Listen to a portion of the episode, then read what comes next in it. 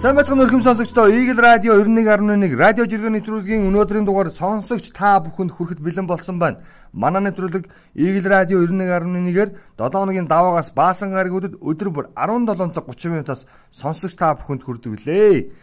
За өнгөрсөн өдрүүдэд өрнсөн буюу өөрөөр хэлбэл 24 цагийн хугацаанд хэрхэн ямар үйл явдлууд жиргээчд мань яаж хүүрнэн өгүүлж тайлагнан бодол санаагаа хуваалцаа гэдгийг Гамбайр миний би та бүхэнд тайлбарлан хүргэхийг хичээе. За өнөөдрийн хувьд нэг онцлог мэдээтэй сайхан гэгээлэг мэдээгээр эхэлнэ. Төмрөгийн жиргээ. Өглөөний мэндэ Монгол улсын хүн ам яг одоо 3 сая 395669 болжээ. Монголын өрс маш олон болгоо. Тэгвэл энэс хойш ядчил нэг 20 хүн нэмэгдсэн баг гэж би бол хувьдаа бодож байна. За анкер ямар ч байсан Монгол улсын хүн ам 3.3 гэхээс илүүтэй 3.4 гэдэг тоороо бас орж байгаа маа гэдгийг бас онцлж хэлэх гээд байна. Бид чинь хүн амаа бас өсгөж чадах юм бол Монгол улс хөгжих боломжтой гэж маш ихээр ярьдаг. Хүн ам зүүн бодлого нэг талтаа алдагдсныг шүүмжилдэг шалтгаан нь за дид бүтцтэй бид нар холбон тайлбарладаг. Тэгвэл хүн ам зүүн бодлогыг зөв болгох нөгөө талтаа за бид хөдөө орон нутгаа эзэнтэй болгох гэдэг асуудлыг одоо иргэн нэг харьяа гэдэг санаачлалууд бас явж байгаа юм байна төрийн төвшин, төрийн өндөрлгүүдийн хэмжээнд төрийн хар хайрцагны бодлогын хүрээнд ялангуяа баруун хязгаар зүүн хязгаарыг эзэнтэй болгох эсэг эсэг асуудал дээр бол тодорхой бодлогуудыг шийдлэр бол гаргачихсан мэдээллийг та бүхэнд өмнө үржсэн. Тодорхойлбол баруун бүс зүүн бүс рүү аслагдсан хязгаар нутгууд руу за ингээд төрийн албыг хашиж байгаа ялангуяа имж тий багш гих мэрэгжлүүдийг сонгож байгаа хүмүүст бол тодорхой хэмжээний шагнал урамшуул олгох, байрны нөхцөл олгох энэ хөтөлбөрүүд бол үргэлжилж байгаа хэвээр гэдгийг бас дуулах таатай байна. Бид нэг мэдээ гарахаар өө шинээр очиж байгаа багшд өгж хэллээ гэдгийг ярьдаг болохоос биш одоо үргэлжилж байгаа үгүй юу гэдгийг хин сонирхдаггүй. Тэгэхээр бид нар ямар ч ямар ч байсан ихний ээлжиндээ дид бүтцээ хөгжүүлэх түүний тулд хүнээ хөгжүүлэх тал дээр бас хар хайрцагны бодлого үргэлжилж байгаа хэвээрээ байгаа шүү. Тэгээ өмнө нь бас бас нэг жижиг мэдээлэл хүргэжсэн. Хөдөө орон нутагт энэ гендрийн харьцаа асар хэцүүдлээ гэдэг мэдээлэл хүргэжсэн. Хот руу сургуульд явдаг эргээд буцдаг нь маш цөөхөн боллоо гэд. Тэгэхээр бид яах аргагүй хүн амзын бодлого дээр бас тодорхой хэмжээний шийдлүүдийг маш сайн цаг алдалгүй хийж явахгүй бол бас их орон эзгүрхий гэдэг бас эмзэглэл энэ дотор бас төрөөд байгаа нуух юм гэдэг шиг. Тэгээ хүн ам маань өсөж байгаа сайхан мэдээг өнөөдөр бас жиргэнийхээ ихэн та бүхэнд онцлог хүргье гэж бодсон.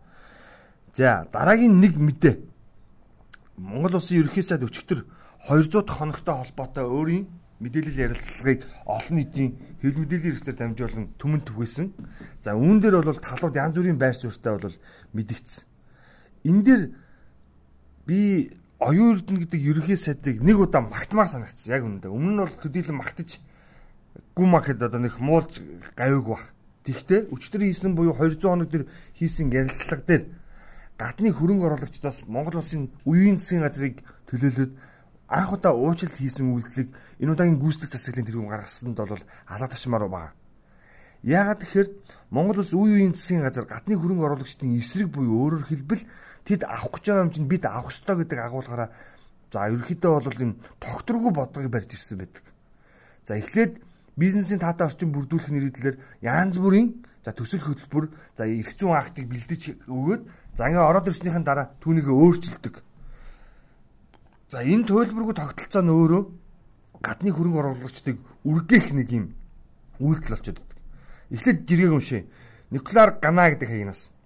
Оюух залуу өнгөсөндөө шал ондоо байх чинээ. Чинрээд гүрийгээд чичрээд улс төрд уучлаарай гэж хэлж чаддаг шин соёлыг яалтачгүй оруулж ирчихлээ. Энэ их том соёл болж байна. Цаашид тогтох болтгоо гэж байна. Яхаарахгүй Монголын улс төрчид төдийлөн уучлаарай гэдэг үгийг хэлж чаддаггүй юм хандлага байсан. Тэгвэл одоогийн ерөнхийлөгч хүрэлцэхээс хойших засгийн газар яг энэ үйлдэлийг хийж хэрэгжүүлж эхэлдэг болчиход байгаад бас жоохон баярлах хэрэгтэй. Гэхдээ мэдээж бүх үйлдэлээр бол хийж чадахгүй байгаад бол шүүмжлэлтэй хандна. А харин за хүрэлцэх ерөнхийлөгчийн хувьд бол засгийн газар тэргүүлж явахдаа а тухайн үед болж исэн үйл явдалтай уялдаад уучлалт хүсээ засгийн газрын танхимаар нь огцруулах шийдвэр бол гаргаж ирсэн. За үүнээс хойш оюун эрдэнэ засгийн газар буюу одоо ажиллаж байгаа гүйцэтгэх засаглалын тэргүүн ерөнхийдөө за алтаатай бодлого гаргасныхын төлөө алдаатай үйл ажиллагаа явуулсан болвол уучлал гоох те хариуцлага тооцох механизмыг алхам алхамаар хийдэггүй маа гэхэд сөөм сөмөр хийж байгаа гэхэд гэдэгт би бол нэг талтай болж байгаа итгэж байгаа л да. Гэхдээ арай удаан байгаа. Бүх юмыг бас 100% сайн талаар нь бас харах гэхээр бас болохгүй байгаа гэдэг. Тэгэхээр бас тодорхой хэмжээнд алхам хийж эхэлж байгаад бас баярлалаа. Би энэ гадны хөрөнгө оруулагчдаас уучлалт гуйх болсон шалтгааныг нэг гин чигээр тайлбарлана. Жишээлбэл барууны нэг хөрөнгөтэй нөхөр бизнесмен залуу Монголд хөрөнгө оруулалт ихээр Монголын бизнесментэй уулзалт хийсэн.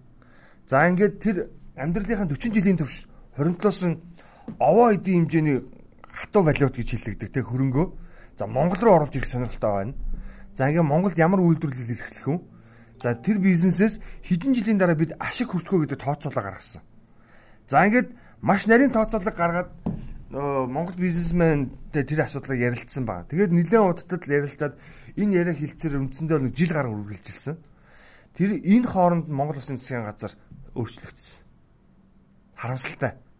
Тэгээд нөгөө гадны бизнесмен яасан бэ гэхээр би ер нь хөрөнгө оруулахаа боллоо гэсэн. Яагаад гэсэн чинь би 40 жил цуглуулсан мөнгөө ингээд Монголд хөрөнгө оруулахаар дараагийн засгийн газар орж ирээд миний оруулсан хөрөнгийг Монгол улс юмаа мэднэгээд авчвал би өөрөө хохирч болох юм байна гэдэг агуулгаар харж эхэлсэн байна л да. Өөрөөр хэлэх юм бол бизнес хийж сурсан буюу бизнесийн соёлтой за нөхдүүд яадаг вэ гэхээр тогтвортой бодлого хүсэмжилдэг. Хөрөнгө оруулалтын гэрээнүүд за хин хинд нь ашигтай байхаас гадна гол нь үйлцэн зүйн акт нь цаашид удаан хугацаанд буюу өөрөөр хэлбэл тухайн бизнесийн үйл ажиллагаа за ингээд ашгаа олон жил өгөх хүртэл хамгийн доотлоор нэг 20-30 жил ч гэдэг юм уу те өг хүртэлх хугацаанд ингээд тогтвортой байх ийм л зүйлийг хүсдэг. Гэтэл манад хөрөнгө оруулах сонирхолтой хүмүүс энэ зүйлийг ерөөсө бүрдүүлж чаддаггүй байсан бас эргээд асуудал болсон байна гэдгийг манай бизнесмен надад тайлбарлан ярьж ирсэн.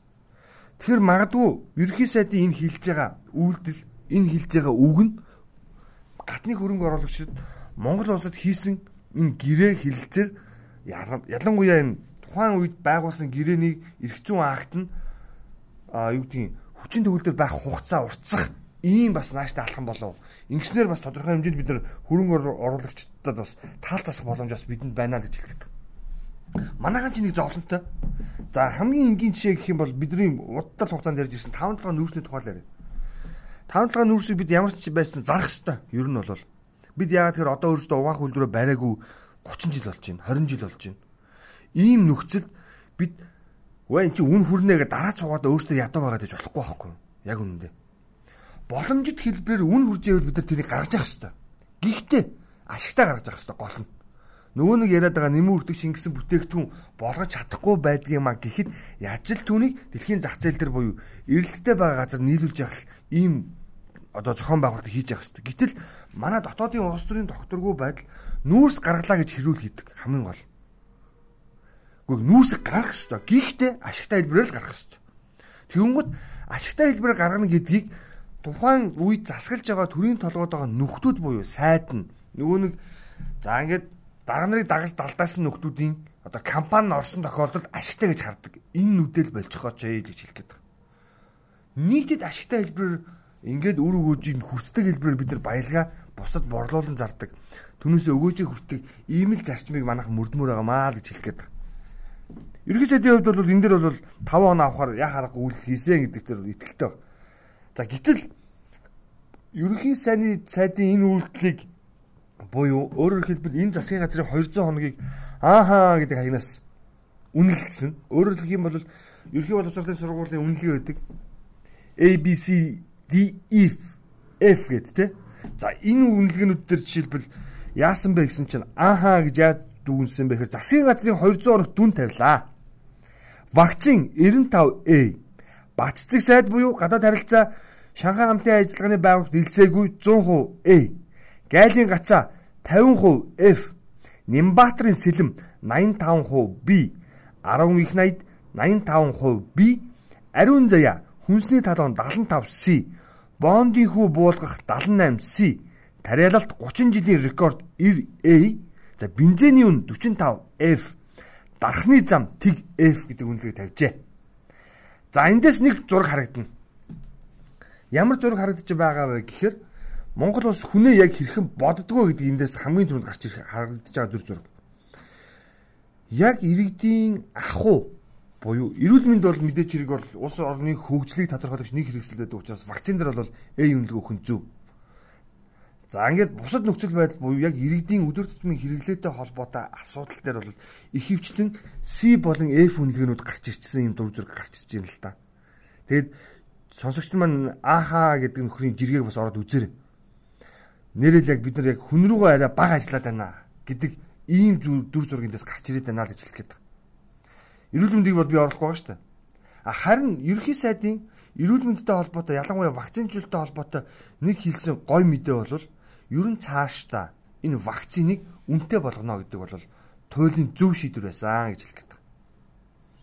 2020 оны 1 сарын 1-ээс эхлээд ерөнхийдөө энэ вакцинжуулалтыг төлбөртэй хэлбэрээр зохион байгуулахаар төр ерөнхийдөө бол бодлогоо боловсруулж байгаа гэдэг мэдээлэл өгсөн.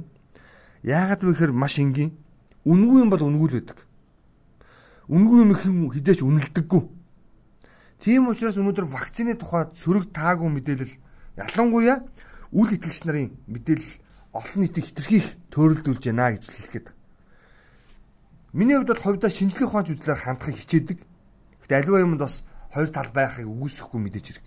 Гэхдээ бид бол хүн төрөлхтөн яа харахгүй вакцинд итгэх ёстой. Одоо энэ дельта холбор гэдээ яриад энэ тэрний цаатлын нэршил дахиад гараад ирчихсэн явж байгаа. Игата юу лээ, йога ч лөө ийм холбор гараад ирчихсэн явж байгаа. Эндээс бид нар юу ойлгох ёстой вэ гэхээр бид зөвхөн за дархлаажуулалтандаа итгэх ёстой байна. За 3 дахь тунгийн асуудлыг Монгол улсын эрүүл мэндийн яам 8 дугаар сарын эхэнд хийнэ гэж бодлогыг бол тайлбарлаж байсан боловч өнөөдрийн байдлаар эхлүүлээгүй хүн амд. Гэхдээ хариу арга хэмжээний баг буюу эмч, эмнэлгийн ажилтан цагдаа онцгой гихчлэн улсын онцгой комиссийн яаралтай бүрэлдэхүүнд ажилладаг баг бүрэлдэхүүн жишээлбэл 3 дахь том хийгээд эхэлчихсэн мэдээ Твиттер орчин зөндөө явж байгаа. Үнийг бол зардалгүйгээр хийцэн хийж явахдаа хийж явахд гимгүүл гэж би хэлэх гээд. Бид ямар ч хэлсэн хүн амаа бол эрүүл байх ёстой гэдэг үүднээс энэ мэдээллийг хүргэж байгаа. Дараагийн жиргээ, цэнгүүний жиргээ.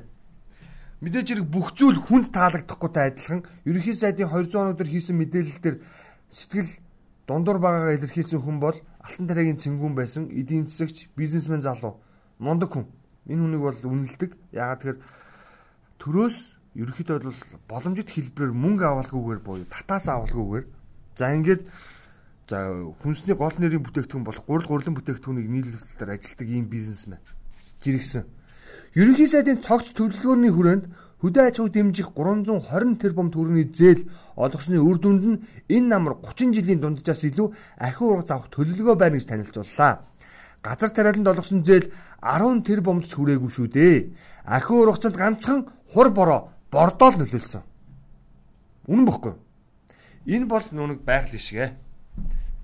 Би нүг яг иймэрхүү үйл явдал юм уу иймэрхүү юм харьцуулт гараад ирэхээр би зүгээр л хувьдаа бол ингэж боддог. Чингис хаанд баярлалдаг.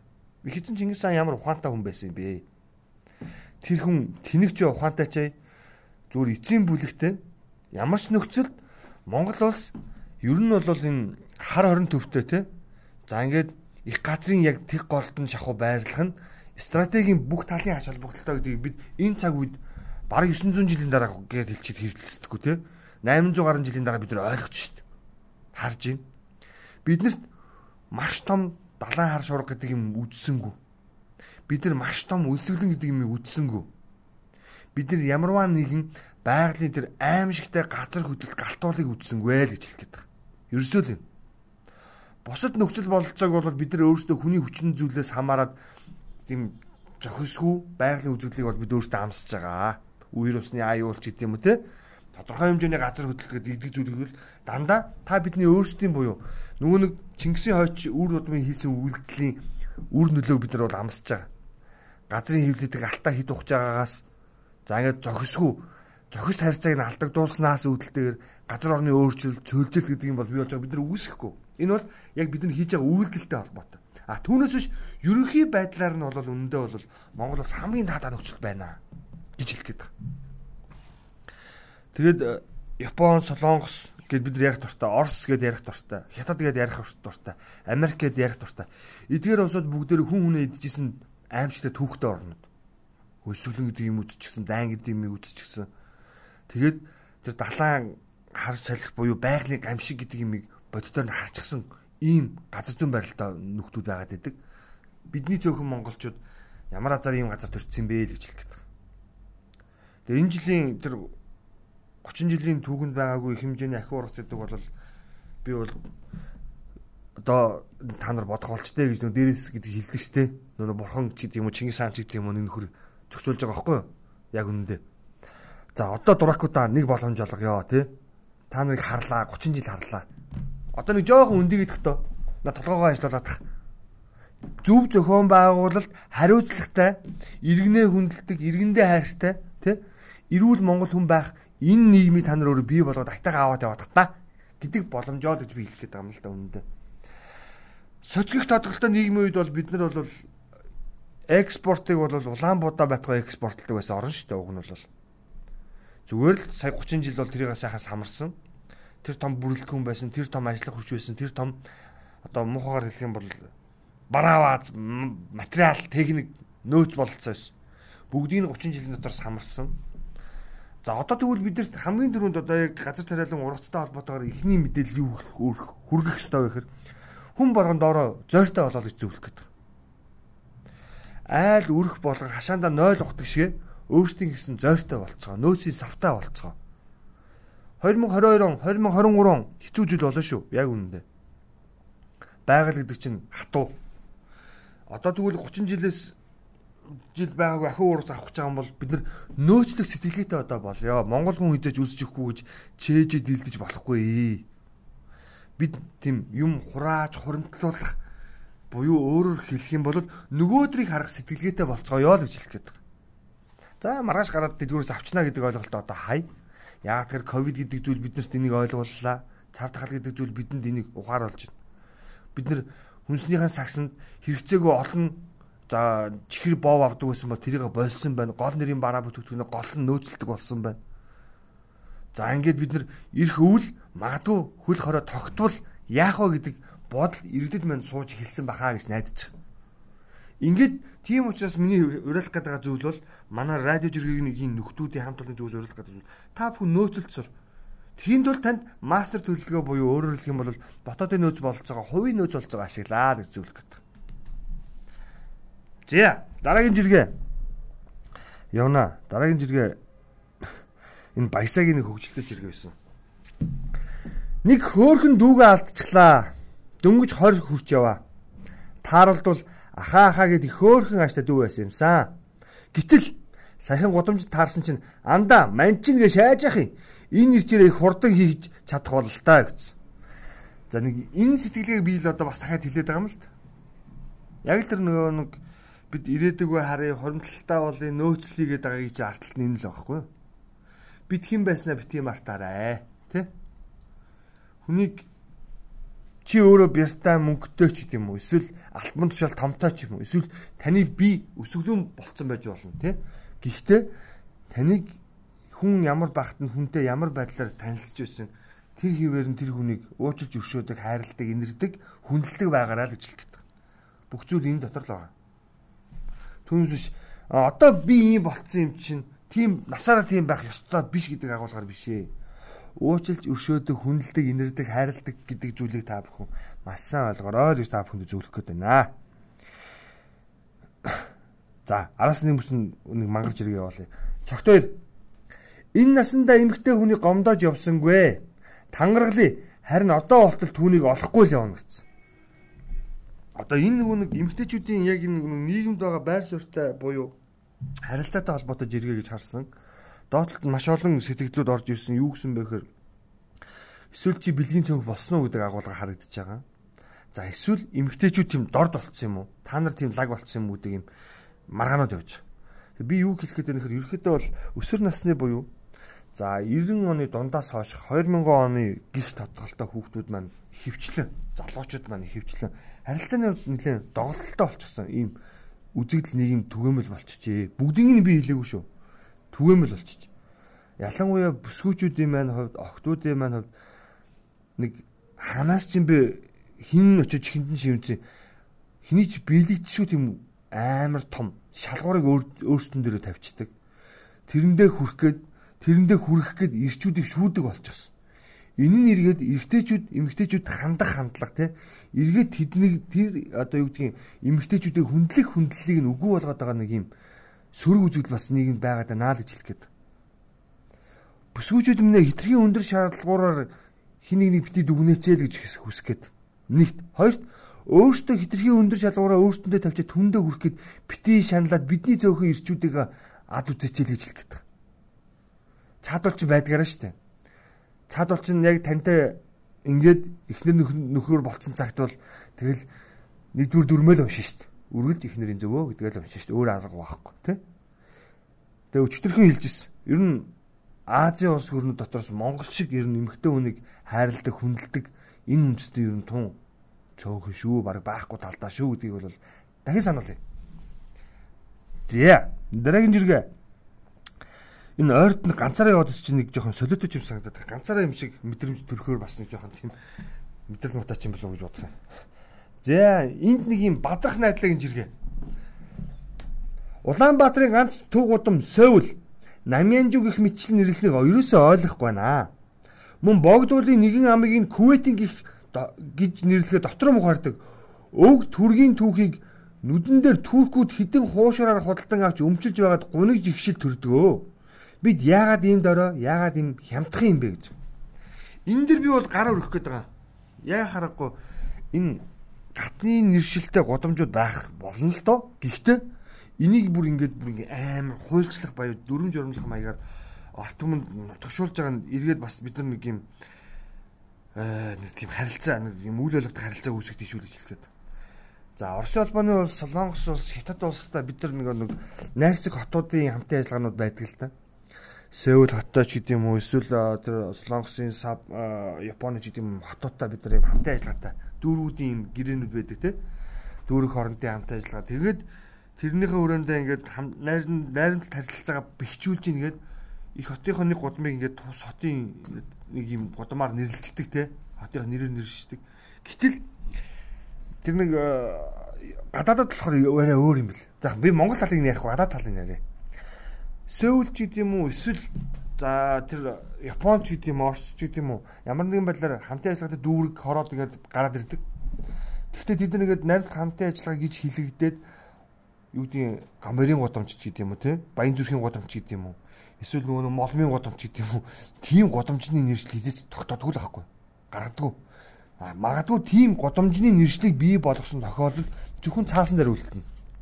Бэлэг төдий буюу сувнэр хэлбэрээр за манай энэ солонгос байдаг энэ дүүргийн те дон дон дон дүүргийн дон дан дан дан хорооны энэ гудмыг буюу гэдэг ямар ч годом байж болно за ингээд Гамбайгийн нэрмжт годомж болголоо. Наа баяр үргийг туу цаашлаад хэдэн сөөжөө хувааж угаад шарсан мах идэд монголчуудыг явуулчих баяртай. За ингээд тэгээ солонгос юу үлдэх вэ гэхээр зөвхөн сөөнээр үлдэнэ. Оо энэ гамбайр юм. Энэ дараа яг энэ гамбайрын годомж гээд энэ дээр хотын статус дээр оруулах уу яах уу гэхээр юу солиороод байгаа зүгээр л тэгээ хилчдэг болоо. Ингээд явж идэх хүмүүс аахгүй. Бид ингэж яагаад болохгүй вэ гэж хэлэх гээд байгаа. Энд нэг тийм зүүн нэг тийм бас нэг үндэсний тийм тийм төрөөд байгаа байхгүй яг үнэндээ бол бидний бас хөргөө хөргөн бас ингэдэг байгаа байхгүй та нар бас ойлгох хэрэгтэй л гэж хэлэх гээд байгаа юм л яг тэгээд учир мэддэг хүмүүс энэ тухай илүү олон зүйлийг жиргэх байх гэж найдаж байна. За өчтөр энэ өөр бас нэг захим ялангуяа Twitter-д өрнсөн маргаан жиргэний нэг бол харанхуу хүчин нөхөн барилдааны тойрсон үйл явдал байлаа. Аа Монгол улс залуучдын байгууллага үүсч өгснээ 100 жилийн за Монгол бүх генис бүртгэгдсэний 10 жилийн үндэсний бүхий холбооны 30 жилийн гихчлэн гурван давхарт үйл явдлыг та оролцуулсан за 502 бүх барилдлаа. За энэ бүхий барилдаа эхнээсээ эхлээд мапанд дагуулсан. Жиргээчдийн хошигнолоор бол 512 барилдахад тал нь унчихсан бэлтгэл мотой байна гэд 20-ын давг бол нэрлэж байгаа. За үүнээс улбалаад 3 дараагаанаас эхлээд маргаан үссэн юу гэхээр нөгөө допингтэй гэж цоллогдоод байгаа улсын арслан эсвэл улсын авраг оюун бол гэдэг хүн маань За ингээ улсын арслан содом дөрж байгаа амлаж авахаас үхсүүлээд за ингээ маргаанд игцэн. Гэхдээ бүхэн давсан даваагүй тухай бол асуудал чухал биш. Гагцүү шүүгэн шийдвэрийг хэн хэрэгцээ хэрэгжүүлэх гэдэг л асуудал чухал аа. Би нэг талдаа за жиргэний ертөнцид бол үндсэндээ оюун болдог бол дандаа үүсгэсэн байсан л да. Яг үнийг нэг үл. Допинг Монгол бүх допингд ялагдлаа хвчлэнгээр асуудал хөндөгдсөн. Би нөгөө Монгол хүний нэг удаа Монгол хүний зан гаргачих ялагдаж яваа талд нь хардаг. Нэг бодлын оюун болдын зөв Яг тэр Монгол улсын ерөнхийлөгч шүүхийн шийдвэрийг дагаж зарлиг гаргаагүй. Үнэн биз дээ. Энэ оюун болдыг буруутгах гэхээсээ илүүтэй бид нар Монгол улсын ерөнхийлөгч рүү хандах хэрэгтэй байхгүй юм чинь. Шүүх байгууллага шийдвэрээ гаргацсан бол оюун бол допингтай буюу хэрэгэлсэн нотлогдсон учраас цол тэмдгийг нь хураах сугаа гэдэг тогтоод гарсан юм байна тийм үү? Би тэгж ойлгосон. Мөн биз? За. Тэгтэл Монгол улсын ерөнхийлөгч зарлиг гаргаагүй. Өөрөөр хэлэх юм бол ерөнхийлөгчийн зарилыг шүүх өөрөөр хэлэх юм бол цуцлах эрх байхгүй. Мөн үү? Тэгэхээр Монгол улсын ерөнхийлөгч за оюун болоод орлогосон аврах цолыг эргүүлэн хураа сугаач гэдэг юм уу? Хураачих гэдэг ч юм уу те?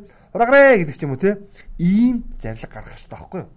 Тэгэхээр оюун болтын зүв багаж яхаарахгүй. Мөн үү? Хоёр оюун болт гэдэг хүн ичих нүрээ илгэндээ наа тий ширэн нүртэй энэ төр гэл бас хэлж байна. Үгүй маа. Тэр хүн энэ удаагийн барилдаанд нэг л зорилготой оролцсон. Та нар намайг допингтай гэж хэлж байгаа бол би допинггүй 3 жил боллоо тий. Одоо өөрийгөө харуулъя гэж орж ирсэн юм аа. Тэгвтэл нөгөө монголчуудын зангаар нөгөө муухай харагдуулдаг бүхнийг үзэн ядагчнууд түүнийг бол саяны нэг 2 өдрийн барилдаанд үнэндээ л гадуурхлаа шүү дээ яг үнэндээ. Хамгийн сүүлд бол түүнийг бол За гадуурхаж байгаа дээр гавчаад ачиг гисэн шиг тэр өмнө говийн гисэн угшилтаа Нима гэдэг тодголтой бүх за барьц салцсан багт нараас нь тэрж очиж сав түлхээ ургаж байгаа ийм дүр зураг гарсан. За ингээ үндэсний бүхий холбооны дүрмэн дээр бол яг хуу төтгөлзүүлсэн цааргалсан юм байдаггүй юм байна. Харин бүхэд илэгтэй гэж хэлэгддэг бүх сонирхчдын донд ер нь монгол жудаг ярьдаг хүмүүсийн донд арай л ичвтер үйлдэл энэ үйлдэл нь өөрөө допингтэй тодголтой оюун болдоосоо муухай үйлдэл болсон л гэж хэлэх гээд байна. Монголд бүх өөрөө бас нэг ийм увайгүй байж олмооргүй байгаа байхгүй. Оюун бол допинггүй гэдгээ батлах гэж зориуд барилцсныг бол би би бол тэгж харсан. Төрлөөд үзүүлчи харуулъя. Допинггүй ч гэсэн би алгаад өгнө гэдэг те. Энэ хандлагаар орсож ирсэн гэж би харсан. А гэхдээ түүнийг нь муухай дээр унсан дээр нь улаалгаж байгаа шиг очоод тэр араас нь гүйччихэд ингэж байгаа нима гэдэг бүхний үйлдэл бол бас байсангүй л гэж. Тэрийг бол янз бүрээр жиргсэн. Ийм л юм болж тэ бүүмэд бүүмэд гэдэг сэтгэлүү зөндөө байсан. Тэгээ энэ асуудал бол эргээд хилцэгдэг байх гэж. За дараагийн нэг юм мардсан ч юмэр сонин жиргээ байна.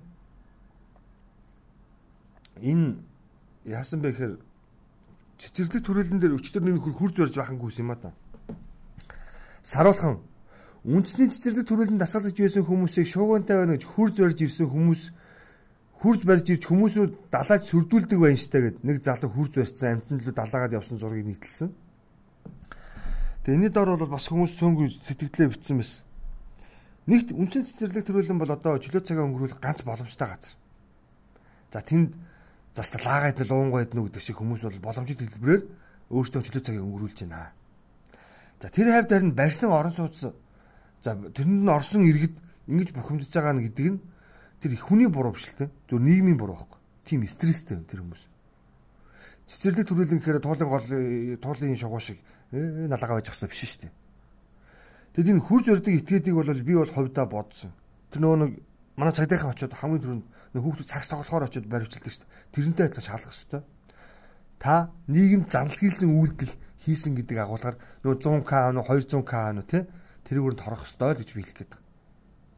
Тэр хүн үнэхээр стресс бухимдалтай гэртээ байж чадахгүй цохоо халт.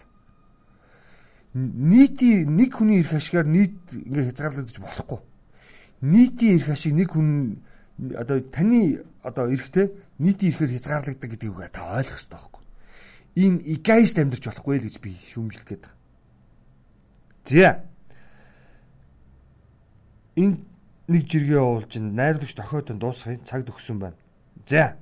Төгсгөлийн жиргэг явна. Ууган баяр Батсаахан. Хэрв буян тухайд Америк нэгдсэн улсын C130 онгоц ирж зогсоод Америк нэгдсэн улс руу визгүй гаргана гэвэл бид нар афганчуудаас илүү олноороо тэр онгоцоор чиглэлтэн тэхүү бүр яндан байдаг бол тэрлүүн ч орно. Манайхан Афганаас дээрдэд байх юм ер нь байхгүй те. Хөрүүлээд үзээрэй бас үнэнд ойрхон хэлсэн. Үнгөөмд нугасгүй гэдэг шиг бид нэг бас нэг асуудалтаас ултаас уртаа андараа афганчууд бол үндсэндээ бол тэнцэнэл байгаа юм шүү дээ гэж. За өнөөдрийн зэргийн хөрөөд өндөрлөж байна бидэнтэй хамт байсан сонсогч та бүхэндээ баярлалаа. Маргааш пүрэв барагт илүү олон мэдээлэлтэй иргүүл. За баяр та.